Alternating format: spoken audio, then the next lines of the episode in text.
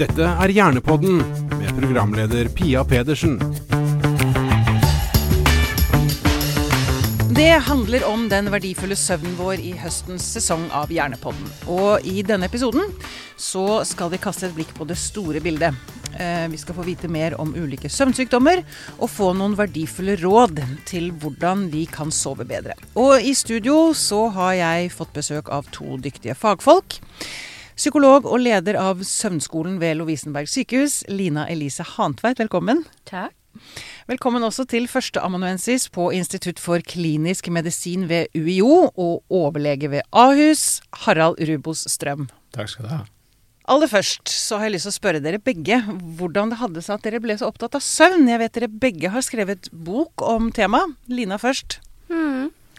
Det var jo det at vi så at mange pasienter i eh, klinikken hadde søvnvansker av ulike slag, da.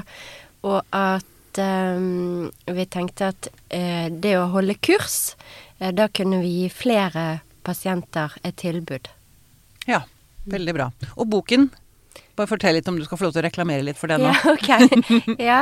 Eh, Det er jo en beskrivelse av hva vi har gjort på søvnskolen. eh, Sånn at man kan bruke denne til, å, mm, til hjelp for å forbedre søvnen sin. Ja, Så der går vi gjennom eh, hvordan programmet har vært lagt opp på søvnskolen. ok. Og Harald, da? Hvordan begynte din interesse for søvnen? Jeg syns det er morsomt at Lina snakker bergensk. Eh, for jeg studerte medisin i Bergen. Ok. Eh, og det er vel det fakultetet i Norge, på medisinutdanning i hvert fall, som har mest fokus på søvn. Så når jeg flyttet tilbake igjen til Østlandet etter turnustjenesten, så dukket det opp et stipendiat hvor de skulle se på en sykdom som heter søvnapne, eh, på Ahus. Eh, og den jobben fikk jeg, eh, og sånn blei det. Ja. Så, så det var egentlig bakgrunnen. Eh, men for oss å kunne bli såkalt somnolog, eller søvnspesialist, så er ikke det en norsk tittel. Altså Legeforeningen har ikke muligheten til å bli søvnspesialist i Norge. Eh, så Den europeiske søvnforskningsforeningen har dette. Eh, og da måtte jeg starte noe som het Oslo søvnsenter, for å også kunne møte pasienter med andre sykdommer. Aha. Eh, Så derfor så fikk jeg erfaring med å behandle insomni, døgnrytmeforstyrrelser, restless legs, Ja. alle de andre søvnsykdommene som ikke har med snorking og pustestopp å gjøre. Mm. Og på den måten så, så syns jeg det også var spennende å sammenfatte dette i en bok. Ja. For å trekke sammen litt erfaringer. Ja.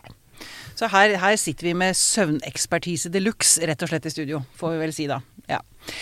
Da skal jeg fortsette litt eh, hos deg, Harald. Fordi så vidt jeg skjønner, så finnes det seks store grupperinger, grupper søvnsykdommer. Kan ikke du, du nevnte dem jo nå, men raskt skissere de seks. Ja.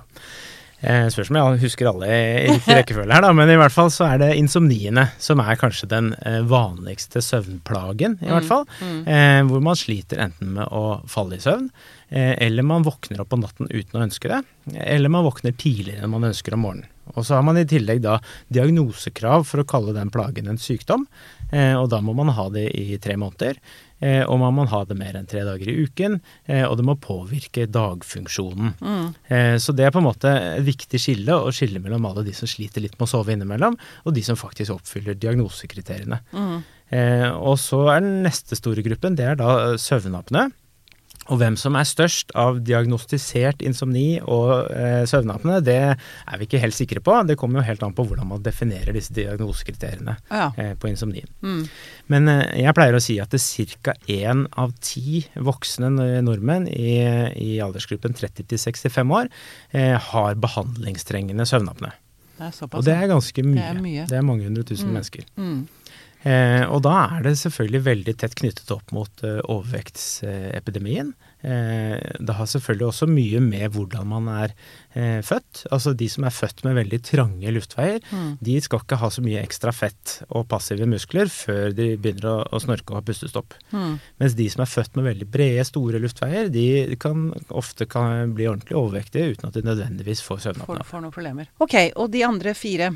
Ja, ikke sant? Så har man da eh, bevegelsesrelaterte søvnsykdommer, og der er det jo restless legs som er den desidert vanligste.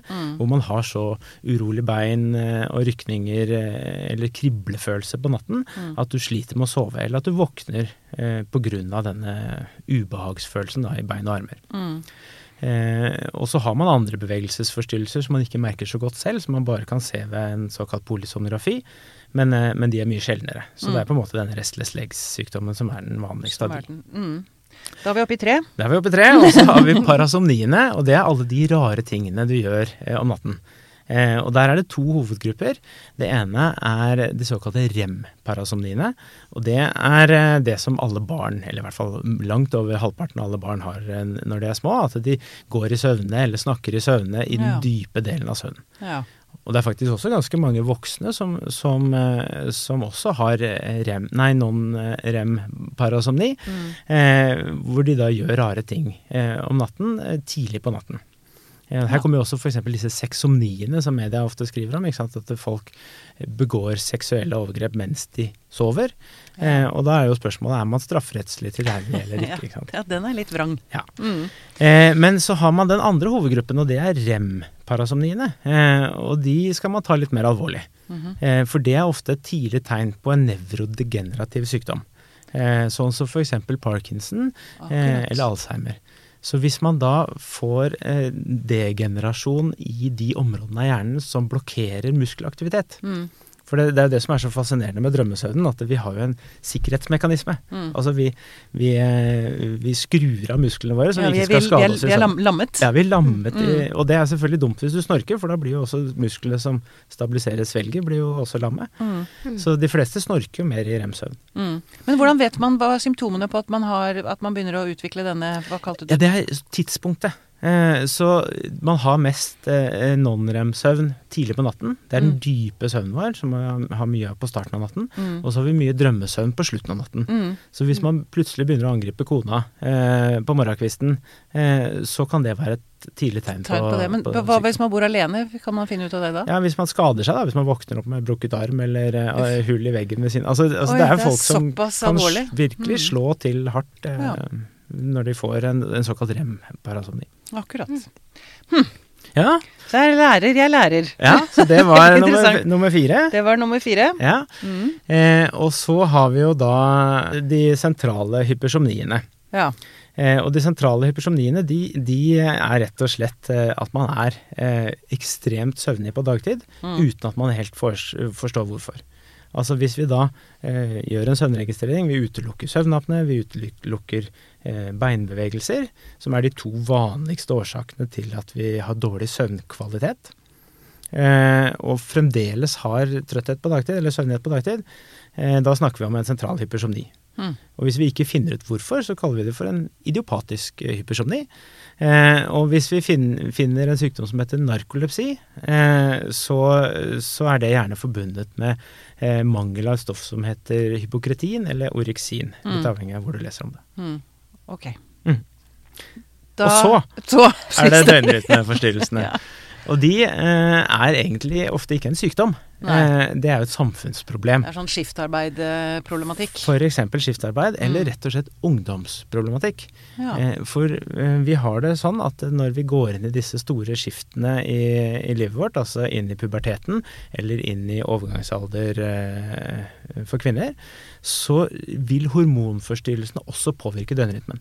ja. Og det er det mange foreldre som ikke vet. Eh, så når de da jager eh, den hoppefulle inn i senga klokka ni og, og krever at lyset skal være av, eh, så vil kanskje det barnet eller ungdommen ligge i timevis uten å få sove, fordi man ikke har det søvntrykket, den døgnrytmen som skal til for å sove. Og det skaper vel unødvendig stress, kanskje? Det skaper unødvendig stress, og da kommer vi snart over til Lina. Da får man et veldig negativt forhold til eh, det å være i sengen. Man ligger der Ja. våken i time etter time. Mm. Og så er jo samtidig eh, behovet for søvn like stort, Mm. sånn at eh, man har en forskjøvet døgnrytme, og den vil da gjøre det vanskelig å stå opp om morgenen. Mm.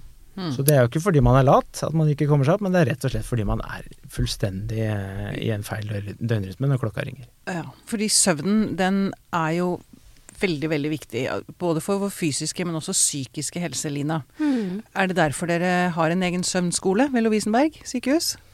Ja, søvn Vi ser jo f.eks. en komor... Altså en sammenheng mellom depresjon og søvnvansker, og eh, mellom depresjon og angstlidelser, da.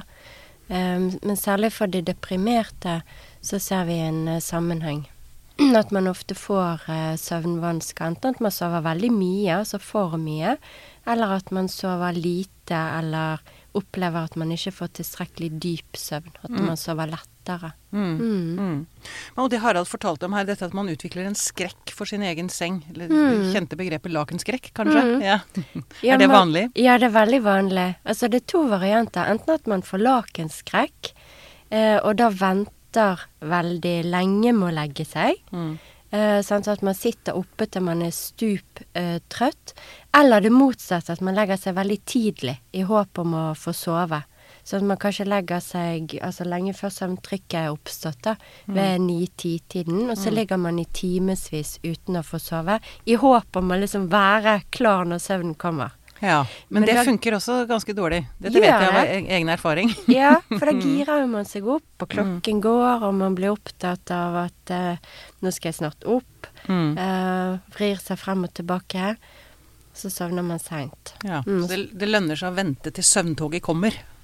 Det lønner seg å vente til man er søvnig. Ja. Ja. Mm. Mm. Mm. Vi skal komme tilbake til go flere gode råd for, eh, for god søvn. Men det jeg lurer på, Harald, er disse søvnlidelsene du snakket om, kan man ha flere av dem samtidig? Ja. Og det er jo det som gjør det så vanskelig, ikke sant. Mm. At, at eh, dessverre så er jo helsevesenet vårt bygd opp sånn at vi har bygd opp etter hvert et veldig godt tilbud til de som har snorking og søvnapne. Mm. Så, så hvis du har mistanke om at du har søvnapné, så går du til fastlegen din, så får du en henvisning til en privatpraktiserende ørenes halslege. Så får du gjort en, en polygrafi eller en enkel søvnutredning i løpet av en uke eller to. Ja. Eh, og så kommer du til sykehus, og hvis du har en moderat til alvorlig grad, så vil du kanskje få en CPAP-maskin som, som holder luftveiene dine åpne Mm. eh, ved hjelp av et lufttrykk. Eller så kan du få en tannskinne som på en måte eh, åpner eh, svelget ditt ved å holde tunga til side. ja. Men ved alle de andre søvnsykdommene så er det mye vanskeligere å komme inn i spesialisthelsetjenesten. Eh, F.eks. insomniene, som, eh, som er en veldig eh, hyppig lidelse. Så er jo sykehusene livredde for å få massevis av pasienter med insomniproblematikk. For de har ikke psykologer som kan drive søvnskoler. Nei. Og dessverre, de har jo til og med lagt ned søvnskolen til Lina, Lina. Fordi at de mener at den ikke eh, har livets rett, fordi at det belaster budsjettene for mye. Eller jeg vet ikke akkurat årsaken, men Ja, altså takk, årsaken er vel at uh, at uh, ikke-organisk insomni ikke kvalifiserer til behandling i spesialisthelsetjenesten. Mhm. Ja, så den ble lagt ned nå. Ja, Mm. ok. så, så, så det er jo også litt av utfordringen. Sant? Og sånn som med sykdommen som jeg forsker på, søvnapne, så ser vi at det er jo et kjempeproblem hvis du f.eks. både har insomni og søvnapne sammen. Mm. Eh, Fordi at det å legge seg på kvelden og skulle ha på seg en sånn CPAP-maskin som blåser luft inn, og du har en maske som skal tette helt rundt nesa, Mm. så, så er det veldig vanskelig hvis du også har en insomniproblematikk. Ikke sant, for du får ikke sove pga. maska? Ikke sant. Så, Mm. så det vi prøver å få til i vår forskning, er jo da å se om vi kan behandle insomnien samtidig som vi behandler eh, søvnapneen. Ja. Eh, både altså mekanisk med maske, og da kognitiv atferdsterapi, sånn som Lina driver med, Mm. eh, for insomnibiten. Mm. Men det er klart å få til det på en halsavdeling, det er ikke, er ikke bare bare med kognitiv atferdsterapi. Altså. Nei. Mm. For det- altså, jeg tenker at hvis man sliter alvorlig med søvnen, så er det Én ting er at det, det er fryktelig, fryktelig slitsomt å, å leve med det. Mm. Altså man blir, jo, man blir jo så slått ut på dagtid hvis man Mm. ikke har sovet godt. Men det koster vel også samfunnet mye. Altså det er jo en, en, eh, Mm. en Man kan vel altså i verste fall bli uføretrygda hvis man ikke sover godt nok. Ja. Man, ser? Ja. Og man blir sykemeldt, og man Mm. får mye sånn enkeltdager og egenmeldinger. Eh, og det er en korrelasjon til, til uføretrygd. Ja. Mm, Mm. mm, Så, mm. Men jeg tenker det at litt av utfordringen her er jo at sykehuset har jo ansvar for å løse sine definerte oppgaver. Mm. Eh, og da får man et resultat sånn som dette med, Lovisenberg, ikke sant? som da ikke har et mandat å behandle eh, insomni eh, i spesialisthelsetjenesten, og, og dytte problemet ned på primærhelsetjenesten, hvor det ikke eksisterer noe tilbud. Ja. Eh, så selv om det koster samfunnet som helhet mye, så er det, må politikerne på banen eh, og, og sørge for at eh, søvnsykdommer kommer inn i spesialisthelsetjenesten, og ikke blir dytta ned i primærhelsetjenesten. Ja. Og her gjør jo vi en, en jobb for å påvirke, får vi håpe, med denne episoden her. Lina, disse kognitive teknikkene Mm. dere lærer bort, kan du si litt generelt hva, hva er det de går på? Eh, ja, de er relativt enkle. Eh, og så er de vanskelig å gjennomføre. ok. Ja.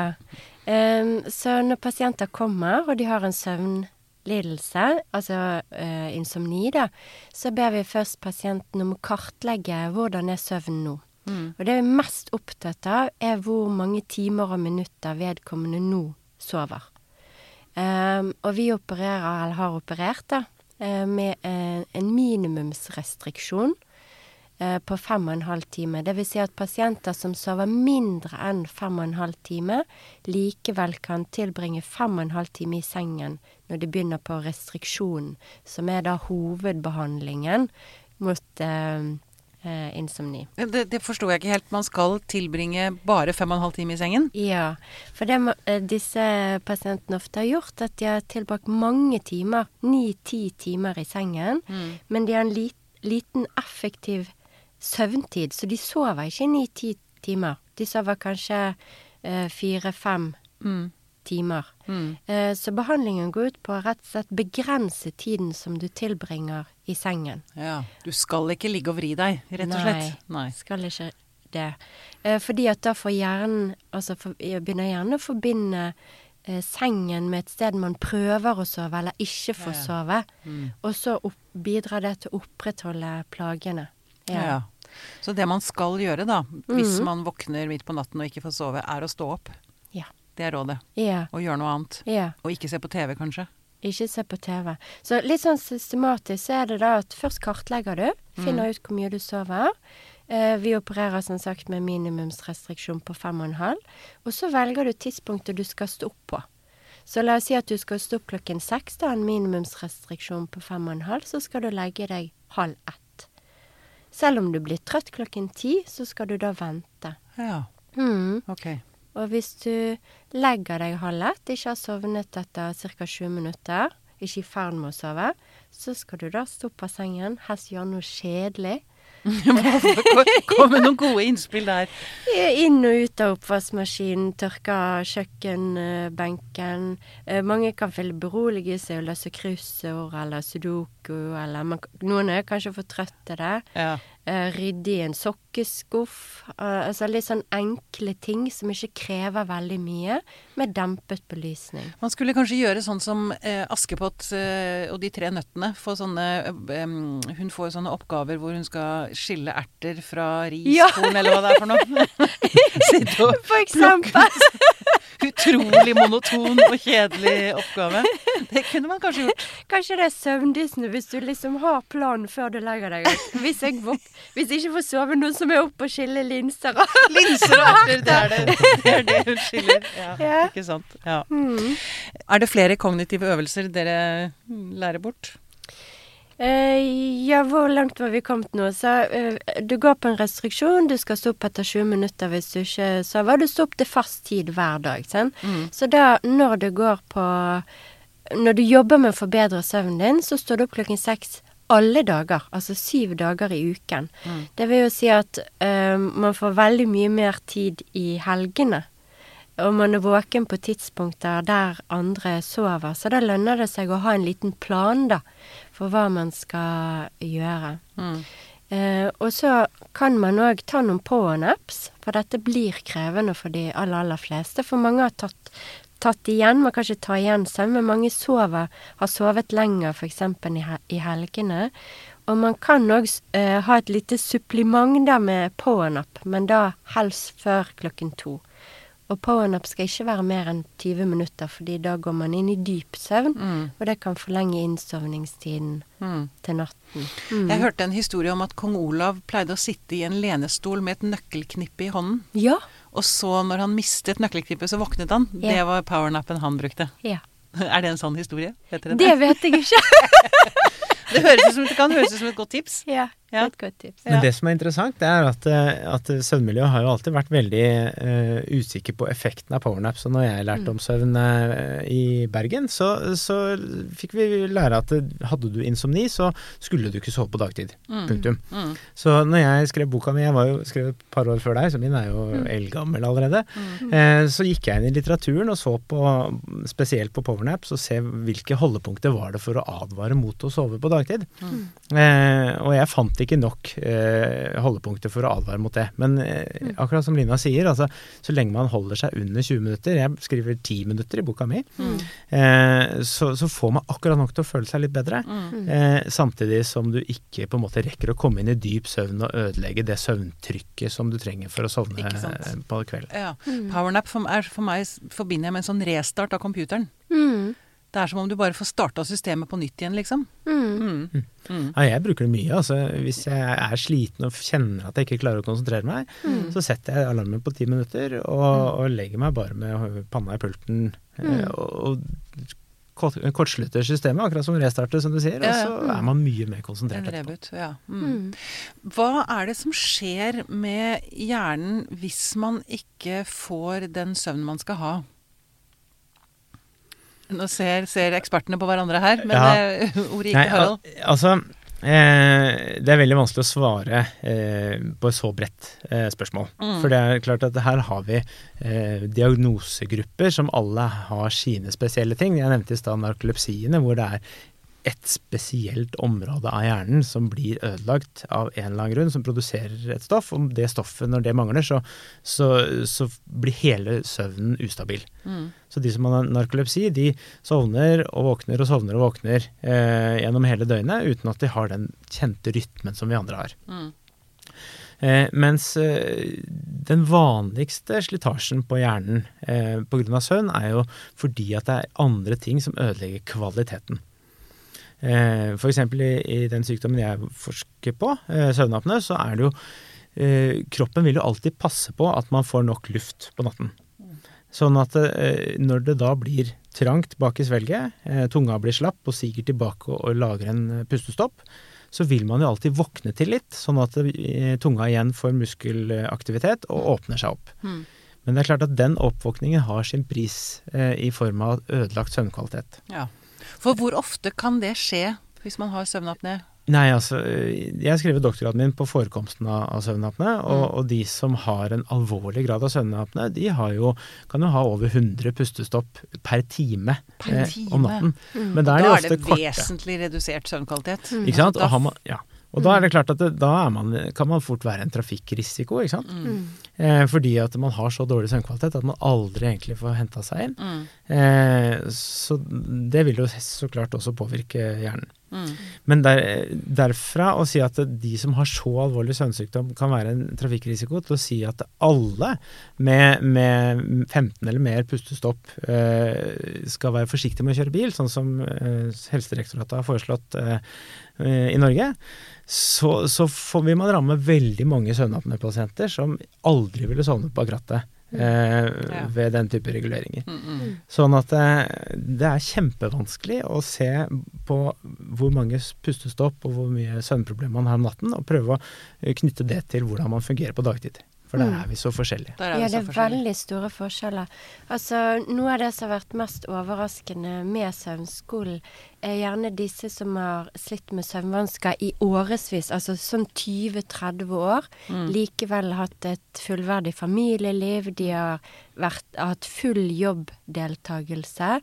Og så andre som, som øh, kanskje òg sover mer, men som fungerer, altså opplever seg subjektivt betydelig mer plaget. Mm. Så det er veldig, veldig forskjellig. Mm. Hvilken effekt det har på funksjonsnivå, konsentrasjon, oppmerksomhet, disse tingene, Mm. som vi vet blir påvirket. Mm. Men vi pleier å skille eh, søvnapnepasientene i tre ganske like store grupper, eh, som man da har funnet ved å gjøre såkalte clusteranalyser i internasjonal litteratur. Mm. Eh, og der har man de klassisk søvnige, som på en måte blir så søvnige at de kan sovne ukontrollert, det vi kaller for påtrengende søvnighet. Eh, og så har man den gruppen jeg nevnte i stad, med komorbid insomni og søvnapne, som, eh, som da våkner gjentatte ganger på natten. Altså f.eks. de eh, mennene som går til legen i 50-60-årsalderen og tror de har fått prostataproblemer, de har jo ofte søvnapne som vekker de, og som gjør at de produserer mer urin. Mm. Ah, så det er ikke prostataproblem, det er søvnapneen som det jeg, søvnap jeg kan jo ikke utelukke prostataproblem uten å undersøke det, men, men, men allikevel, det er veldig ofte søvnapne som gir en dårlig søvnkvalitet og, Ja. og høyt nivå av stress som produserer urin. Eh, så det er den andre hovedgruppen, de som på en måte har så dårlig søvnkvalitet som følge av pustestoppene at de ikke får en kontinuerlig og vedvarende søvn. Mm. Men den siste tredjedelen, det er de vi kaller for symptomfattige. Og de, har, de kan ha 40-50 pustestopp i timen og fungere glimrende på dagtid. Eh, og det er jo særlig denne gruppen som jeg prøver å forklare byråkratene, da, at, at å begynne å si at de ikke skal få lov å kjøre bil. Det Fordi man klarer å telle opp hvor mange pustestopp de har. Det, Mm. For meg så er det helt meningsløst. Ja. Men hvis man har 40-50 pustestopp i timen og fungerer fint, det er, da er det ikke noe farlig i det hele tatt å ha Det- Kommer litt an på hvor gammel man er. Ja. Eh, det har kommet en del nye studier eh, de siste årene som har sett på behandling av eh, søvnapne med sånn CPAP-maskin etter et hjerteinfarkt, Mm. eller etter at man har fått hjerterytmeforstyrrelse, altså såkalt atrieflimmer. Mm. Og når man først har hatt pustestopp så lenge at man har fått så alvorlige konsekvenser, så vil ikke CPAP-en i noe særlig grad klare å snu den negative trenden. Ok. Så jeg er blitt mye mer tilbakeholden med å gi CPAP til eldre som er symptomfattige og har søvnapné, mens jeg er blitt mer aggressiv på å anbefale CPAP hos yngre med mye pustestopp før de har rukket å utvikle hjerte-karsykdom eller hjernedegenerativ sykdom.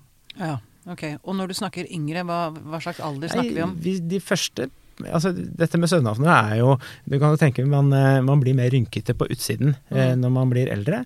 På samme måte så blir man slappere på innsiden. Aha. Så det er klart at de som er født med veldig trange luftveier og i tillegg er overvektige, de får dette allerede i 18-19-årsalderen. Ja. Eh, og også de som har store mandler eh, kan ofte få det tidlig. Barn kan også ha det Mm. eh, relativt tidlig. Mm. Men den store majoriteten av pasienter på min søvnpoliklinikk på Ahus, eh, de er mellom 40 og 50 år gamle. Ja, Så det er da det begynner å bli så slapt at dette begynner å bli et problem. problem. Ja. Mm. Så lurer jeg på, hvis man, er, hvis man sliter med at man er uopplagt på dagen, Mm. eh, og man kanskje bor alene, det er ingen som kan liksom, ja, eh, si fra at du har veldig mye pustestopp, kan man sjekke dette selv? Uten å ha en sånn pulsklokke eller sånn sportsklokke? Jeg vet at, For de kan måle søvnen, ikke sant? Mm. Men kan man, er, er det noen annen måte å, å, å liksom sjekke dette på?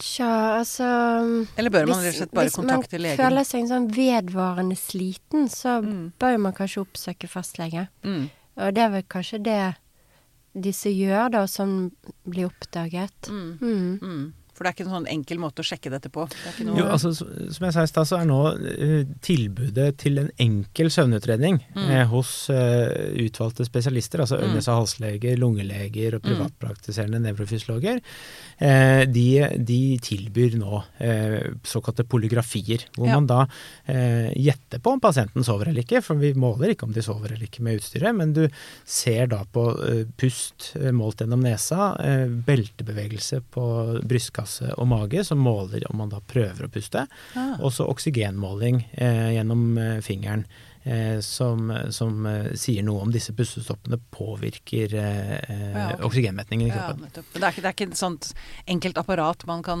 kjøpe eller leie, som liksom kan måle Nei, søvnen men det er klart at noen tilbyr nok at du kan få det i posten og, og måle, og så levere tilbake igjen òg. Mm. Men det som vi har en stor mangel på i Norge, det er aktører som tilbyr såkalt polysomnografi. Eh, hvor, man, eh, hvor man måler også søvnen, hvor man setter på elektroder eh, på hodet. Man setter på beinelektroder for å se om man beveger bena. Ja. Eh, og så kan man da si noe om faktisk pasienten sover. Mm. For det er klart faren med en sånn enkel søvnregistrering, det er jo at pasienten ligger lys våken hele natten, og så får man beskjed om at nei, du har jo ikke søvnapne. Nettopp. Er det andre ting dere kan råde folk til for å passe på egen søvn? Eh, Ja. Um, altså, i sted så var det litt beskrivelse av um, søvnrestriksjon, da. Men man kan jo i første omgang teste ut en uh, litt mild form for restriksjon. Det vil si at man legger seg når man er søvnig, står opp etter 20 minutter, og at du står opp til noenlunde fast tid. Ikke Ja. mer avvikende enn eh, 90 minutter i helgene. Så hvis du står opp klokken eh, vanligvis, så står opp 7.30 eh, i helgene, I helgene. da. Mm. Mm. Eh, begrense eh, bruk av mobil, iPad, Skjermbruk. skjermbruk Mm. Mm. generelt. Ja. Mm. I hvert fall en time, minimum en time før du legger deg. Mm. Mm, fordi at det virker aktiverende. Mm. Eh, pluss at f.eks. på TV så eh, virker dette blå lyset våkenhetsstimulerende. Ja. Mm. Finne gode rutiner, sånn som for barn, da. At du gjør liksom de samme tingene hver eneste dag. Som forteller hjernen at OK, nå er det klar for Nå er det tid for å legge seg. Mm, Ja. ja. Så, altså, ja, akkurat. Sånn type ta på pysjen en halvtime før, eller mm. ja. Mm. Ehm, og så um, trening hjelper jo. Um, men at man avslutter da trening eh, tre-fire timer før man skal legge seg, fordi at Mm. kroppen bruker noe tid på å regulere seg ned igjen. Mm. Mm. Mm. Andre ting? Nei, jeg tenker at, eh, at eh, Jeg vil si to helt enkle råd. Eh, Det ene er å få alle klokker ut av soverommet. Veldig mange av Alle disse klokker ut, ja. Alle klokker ut av soverommet. Eh, veldig mange av pasientene med søvnproblemer er veldig opphengt av hvor mye de er våken på natten, og ligger og ser på klokken eh, på natten. Mm. Eh, ta og Sett på en vekkerklokke, selvfølgelig, hvis du er redd for å forsove deg på morgenen, og sett den eh, på terskelen eh, av soverommet. Ut, eller ut av syne. i hvert fall sånn at du må stå opp for å se hvor mye den klokka er. Ja. Eh, og så, hvis du skal gjøre da den eh, søvnrestriksjonsbehandlingen som Lina beskrev i i stad, så, så ta heller og kjenne etter om du eh, er frustrert av å ligge våken i senga. Og da er det på tide å stå opp, istedenfor å tenke at man skal stå opp hvis det har gått 20 minutter eller 30 minutter, eller Mm. eh, og prøve å koble ut den tidsfaktoren i det. Mm. Mm. Mm. Og det andre hovedrådet som jeg pleier å si, eller pleide å si, jeg har dessverre måttet legge inn i Oslo Søvnsenter, for jeg har ikke kapasitet ved siden av forskningsprosjekter. Mm. Eh, men det andre søvnrådet som jeg pleide å si, eller hovedoppgaven som jeg hadde som eh, søvnbehandler, var egentlig å få pasientene til å tenke minst mulig på søvnen sin. For det blir sånn hos de som har en søvnsykdom, særlig de som har insomni, at det blir som de har en stor knagg hengende på veggen, hvor det henger alt mulig rart på den insomniproblematikken. Mm. Så eh, man får den søvnen man får. Så får man heller stå opp og få bare noen få timer den natten. Men da øker søvntrykket så mye at neste natt har du større sannsynlighet for å få mer søvn. Mm. Så eh, det å på en måte tenke at ok, søvn er en naturlig funksjon. Det er litt som å gå på do. Du kan ikke bestemme deg for når du skal gå på do. Nei. Og du kan heller ikke bestemme deg helt for å, for å sove. Du må på en måte prøve å forstå eh, døgnrytmen i kroppen din, og, Mm. og, og gjøre noen kloke valg i forhold til Ja. det. Legge til rette, men ikke obsesse Mm. med det. Mm. Til slutt så har jeg lyst til å spørre dere, hvis dere skulle eh, ønske dere noe fra politikerne, hva ville det vært? Jeg ville vel ønsket meg flere søvnskoler. Mm. Ja. Mm. Mm. Eh, og at behandlere får opplæring i eh, CBT, altså den kognitive metoden, og kan hjelpe folk til å sove bedre. For det er ganske Altså det er både Programmet er egentlig ganske enkelt. Eh, og man kan nå ut til mange. Mm. Mm. Mm. Mm. For vil du si at, at det er en underdiagnostisering? At det er mange flere som sliter med søvnen, vil dere si det? Enn en det Ja. man er klar over? Det var kanskje et litt ledende spørsmål, men eh, det får være greit.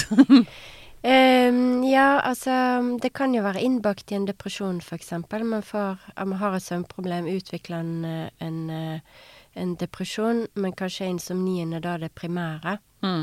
Um, mm. Mm. Men sånn som det er nå, da, så er det smart for fastleger da å henvise på grunnlag av depresjon. Mm. Akkurat. Harald, hva ville du ønsket deg? Er det lov å komme med to ønsker? Absolutt. Det første ønsket har jeg jo allerede nevnt i stad. Jeg ønsker at eh, man får søvn inn i spesialisthelsetjenesten. Mm. Vi trenger tverrfaglige søvnsentre på de store sykehusene som kan behandle eh, søvnsykdommer utover søvnapene Eh, og også komorbid søvnapne. Eh, men nevrologer, lungeleger, øre-nese-hals-leger og psykologer, ikke minst, eh, burde sitte sammen og behandle søvnproblemer. Mm. Eh, og den andre tingen er relatert til den førerkortbiten som jeg nevnte i stad. Ja. Eh, vi hadde faktisk en tilsynssak eh, på Ahus for halvannet år siden fordi en fastlege hadde eh, reagert på at en sykehuslege eh, ikke hadde lagt førerkortbelastninger på en, en pasient som hadde 15-16 pustestopp per time. Eh, vedkommende mistet førerkortet, vi måtte legge om vår praksis. Heldigvis så trakk Helsedirektoratet i nødbremsen eh, noen uker senere og Ja. sa at vi må revurdere dette. Nå har de brukt over halvannet år på den revisjonsprosessen. Det har vært en liten pandemi, så de har jo drevet med fornuftige ting. Men, men når de har, er ferdig med å revidere dette, vær så snill, ikke ta førerkortet fra folk som har 15-16 pusteopp eh, per time, og som ikke har noe symptomer på dagtid. Mm. Fint. Noe dere har lyst til å føye til på slutten, som eh, dere tenker er viktig å få sagt til folk som sliter med søvn? At det er godt håp at man kan få bedre søvn Mm. eh, med å gjøre noen grep, da. Ja. Ja. Ja. Eh, altså søvnrestriksjon så har man forsket mye på, så 80 ser ut til å lykkes. Og det er veldig høyt tall. Ja. Mm. ja. Ja. Det er veldig bra. Så gi deg sjøl den muligheten til å få litt bedre søvn. Ja. Det har stor betydning. Ja. Mm. ja, det kan øke livskvaliteten betraktelig. Mm. Mm. Harald, har du noe du har lyst til å føye til? Ja, altså man velger jo egentlig litt i forhold til søvn hver eneste dag. Altså du, du velger om du skal se den ekstra episoden av den serien, eh, og på en måte de små valgene som du gjør hver eneste dag. Ja. Prøv å være bevisste på de, eh, om du fører en søvndagbok eller prøver å få et fugleperspektiv på søvnen din. Prøv å se omtrent hvor mye du får uten å reagere følelsesmessig på det. Prøv bare å kartlegge det og, og være bevisst på det. Eh, og så kan man selvfølgelig ta seg en fest eller eh, gjøre ufornuftige ting innimellom, Mm. men, men prøv bare å eh, ha et nøkternt forhold til søvnen din. Jevnt over. Mm. Veldig bra. Tusen takk for at dere kom i studio, Harald Ruvo Strøm og Lina Elise Handveit. Denne podkasten er produsert av Tid og list for Hjernerådet.